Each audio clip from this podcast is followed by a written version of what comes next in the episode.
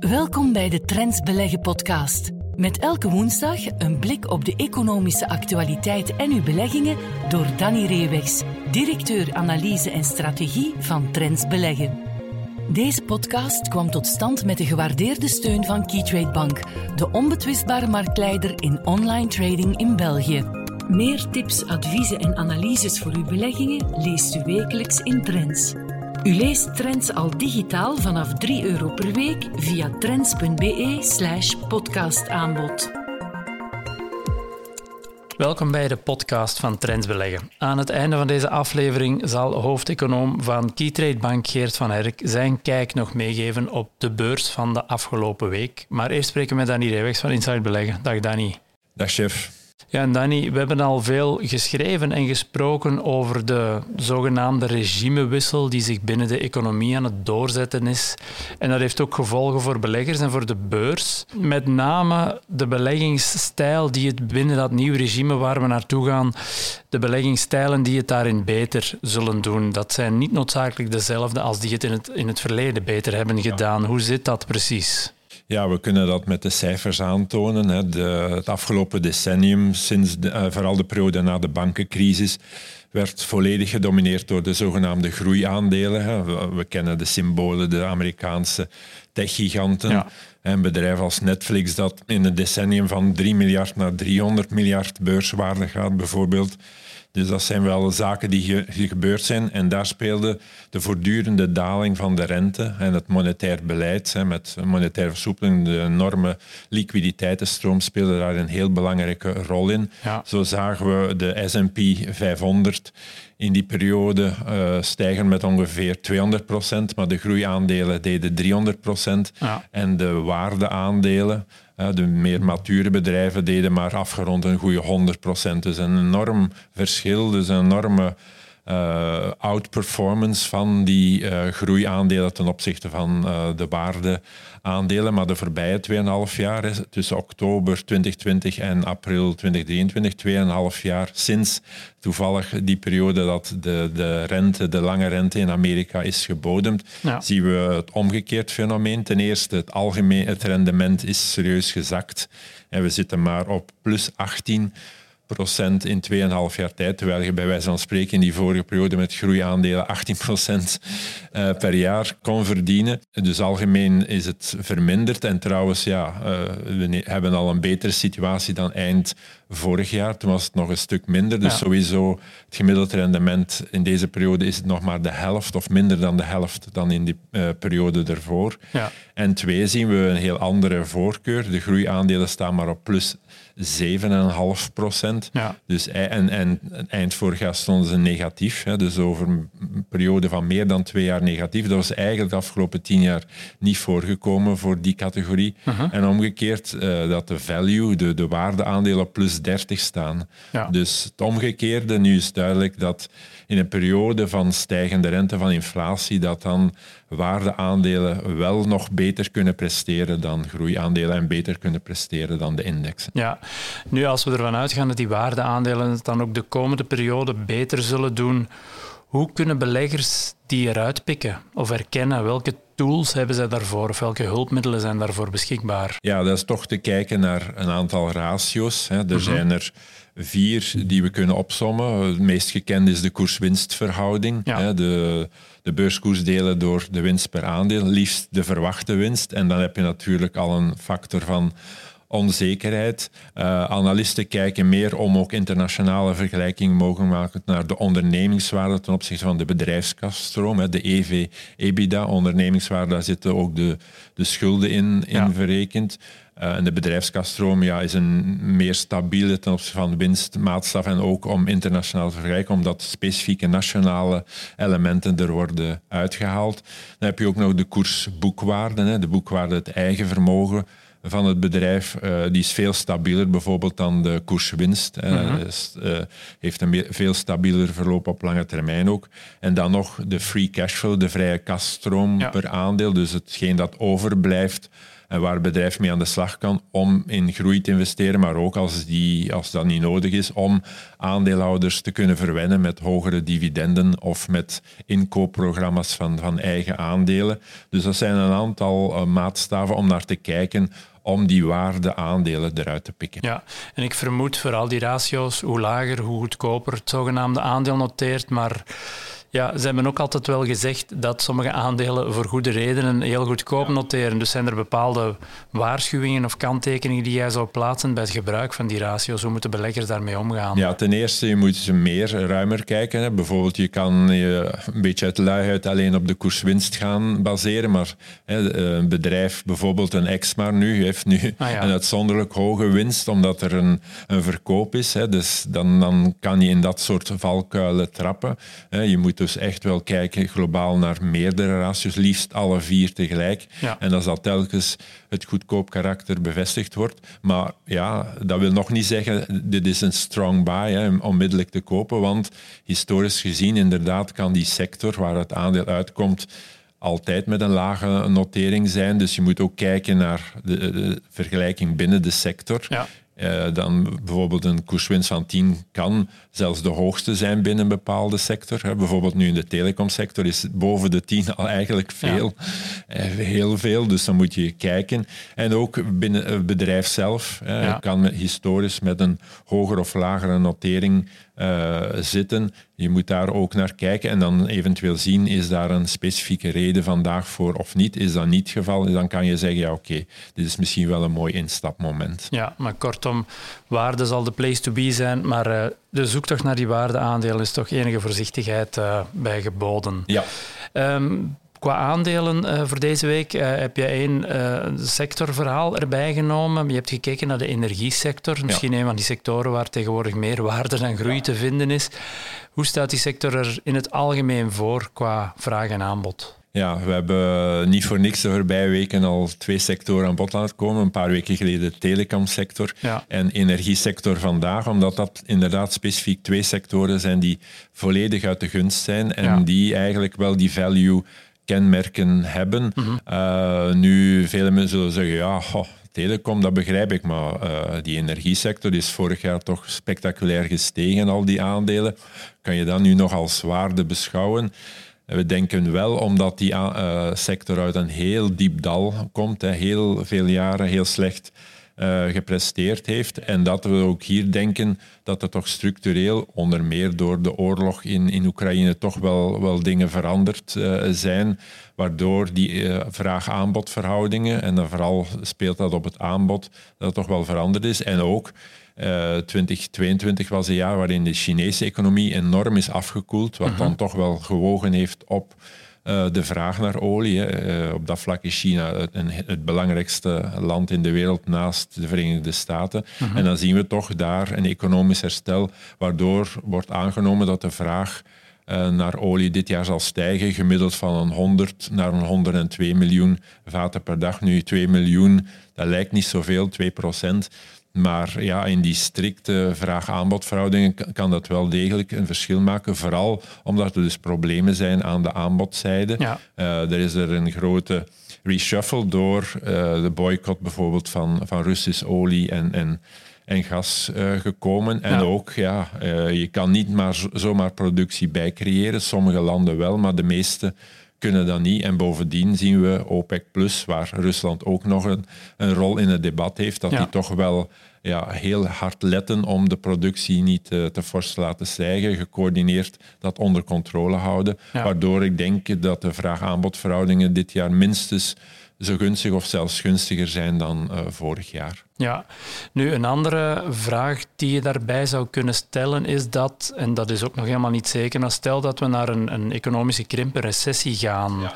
Wat kan dat betekenen voor die sector en, en moeten we daar dan een beetje voorzichtiger mee zijn? Ja, een recessie zou natuurlijk niet goed zijn voor uh, de vraag naar olie, maar zoals gezegd zijn er vooral problemen ook aan de aanbodzijde. En bijvoorbeeld kan dan OPEC Plus beslissen om de productie nog verder te doen dalen. Dus je kan daar wel mee spelen. Dus de impact, denk ik, zal niet zo groot zijn dan in de vroegere normale uh, situatie. Ook niet vergeten om nieuwe productie toe te voegen. Bijvoorbeeld in olie, dat is ook een meerjaren traject, dus dat kan je vaak niet zomaar doen. Ja. Dus voor een recessie oké, dat zou en bovendien we hebben het herstel in China, dus het is nog maar de vraag op wereldschaal of daar wel een recessie in zit. En Ja. een, een heel wat opkomende landen profiteren van herstel van de Chinese economie. Dus ik denk dat we dat, eh, dat gevaar nog niet moeten gaan overschatten. Ja. Ja.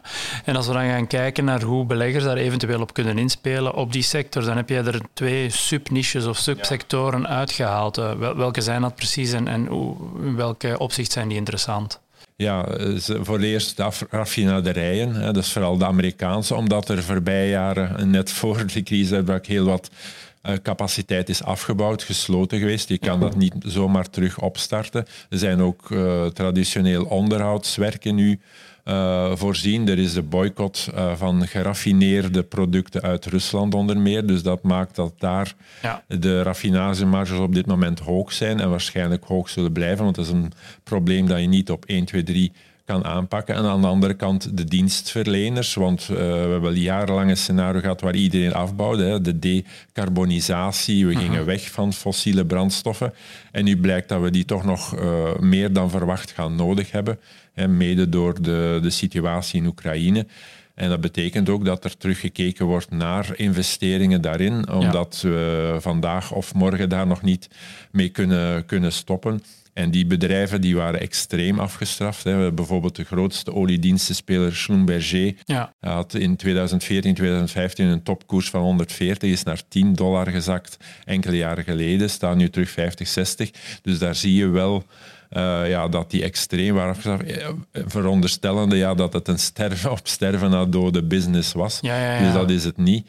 En daar denk ik zitten wel op, op opportuniteiten, maar algemeen kunnen we vaststellen ja, dat die sector toch eh, wel belofte inhoudt. ja, en tot slot, we spraken daarnet over waardering. Ehm, hoe is die sector momenteel gewaardeerd? Want je zei ook het afgelopen jaar hebben ze het Ja. heel goed gedaan, maar zelfs met die winsten van de afgelopen jaren, hoe zien de waarderingen eruit? Ja, die zijn heel laag, hè, net zoals in de telecomsector. Het is nu hier iets beter, maar de, World, de MSCI World Energy Index staat met een koerswinsthouding van 8 voor 2023. Dat wordt 9 2024, omdat verwacht wordt dat de winsten volgend jaar iets lager zullen liggen, omdat er wat eh, capaciteit gaat bijkomen. Maar dat is in verhouding met de markt natuurlijk toch nog altijd heel goedkoop. Ja. En door onder meer de bankencrisis, de vrees voor recessie, kredietschaarste, heeft die aandelen dit jaar tot nu toe eh, minder doen presteren dan de, dan de markt. Dus ik denk dat daar wel opportuniteiten zijn. Bij de oil majors, de grote, zijn het eerder de Europese, die, die duidelijk goedkoper zijn dan de Amerikaanse. Ja,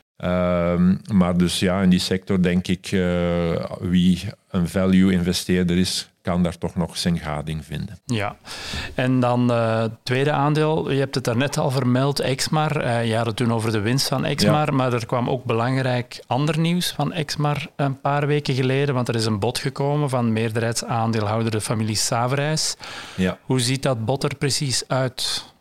Ja, dus daar is nu wel heel veel veranderd. Dat was een beetje een, een lelijk eentje op de Brusselsbeurs. Ehm, Ja, Het uh, bedrijf had het financieel heel moeilijk, hè, kreeg hele grote projecten gewoon niet verhuurd, niet verkocht. Ja. En daar is dan verandering gekomen met het bod van Eni hè, voor een van hun uh, zaken. En, en dat heeft er toch voor gezorgd dat uh, ook hun financiële situatie helemaal is omgekeerd van een zware schuldpositie naar een netto uh, kaspositie. En ja, in die omstandigheden was het misschien wel lucratief om een bod te doen. Nu, uh, algemeen wordt door analisten dat aangegeven als een karig bod. Ik denk dat we dat toch mogen nuanceren en eerder als een fair bod ja. mogen zien. Ja, op het eerste zicht, ja, als je nog niet het eigen vermogen per aandeel is 12,3 euro eind vorig jaar en het bod is 12,1 euro, dan zeg je ja, maar we worden hier weer uh, ja. niet goed bedeeld uh, met dit bod. En ten opzichte van de koers was het een premie van om en bij ja, dat was, uh, 24 ja, vier, ja, 24 procent. Dus dat lijkt allemaal ja, niet, niet exceptioneel goed. Maar dan moeten we kijken ja, dat Exmar de voorbije jaar toch ook heel veel moeite had om een deftige winst te boeken. Natuurlijk, ja, door die verkoop heb je nu uitzonderlijk hoge winst en krijg je maar twee, drie keer die winst als, als biedprijs. Maar als je kijkt uh, naar het operationeel resultaat, de bedrijfswinst en de recurrente netto-winst, ja, dat was die voorbije jaar maar nipt positief, die recurrente netto-winst. Ja. Dus in die optiek denk ik is dat wel eerder een fair bod. Uh, er gaat wel een verbetering komen van de situatie door uh, de, de verandering op de energiemarkt. Maar om te zeggen ja, dat uh, dit bedrijf direct meerdere euro's of dollars per aandeel winst gaat maken, nee, dat zit er toch niet meteen in. Ja, dus met een beetje realisme en eerlijkheid Vind jij dat beleggers wel op het bod mogen ingaan? Ja, ik denk dat dat toch wel aanvaardbaar uh, is. Uh, anders ja, gaan we toch nog jaren moeten wachten tot die winst dan sterk gaat, gaat toenemen. Oké, okay, perfect. Dan ben je voor deze week heel hard bedankt voor jouw tijd en inzicht en graag tot volgende keer. Graag gedaan, tot volgende keer. We luisteren nu naar Geert van Herk, Chief Economist van Keytrade Bank, met zijn analyse op een aspect van de economische actualiteit. Hallo iedereen en welkom bij onze wekelijkse bijdrage aan de Trends Beleggen podcast. Met een weekje vertraging, ja, wegens het uh, paasverlof, breng ik jullie vandaag de update over onze Bel 20 momentumstrategie. U weet het, in deze relatieve momentumstrategie gaan we eigenlijk op zoek naar de sterkste aandelen uit de Bel 20 en we gaan daarin beleggen. Hoe gaan we daarvoor te werk? Wel, we nemen voor elk van de 20 aandelen uit de Bel 20, berekenen we eigenlijk ja, de gemiddelde return. En we doen dit op basis van de return op 1, 3, 6 en 12 maanden. We tellen die vier cijfers bij elkaar op, we delen door vier. En we hebben eigenlijk de gemiddelde return van elk van de Bel 20 aandelen. En in deze strategie gaan we dan beleggen in de vier best presterende aandelen uit de Bel 20. We komen even terug op de prestaties van de maand maart. In de maand maart was uh, de relatief momentumstrategie voor de Bel 20 belegd in KBC, Solvay, Dieteren en Apparam. Nu, u weet natuurlijk ook wat er in maart gebeurd is. De banksector stond onder zware druk, hoge volatiliteit, omwille van de problemen met Credit Suisse in Europa en de Silicon Valley Bank in de Verenigde Staten. Daardoor heeft natuurlijk het aandeel KBC ook een fermentiek gehad, bijna 10,5% gezakt gedurende de, maand van, gedurende de maand maart.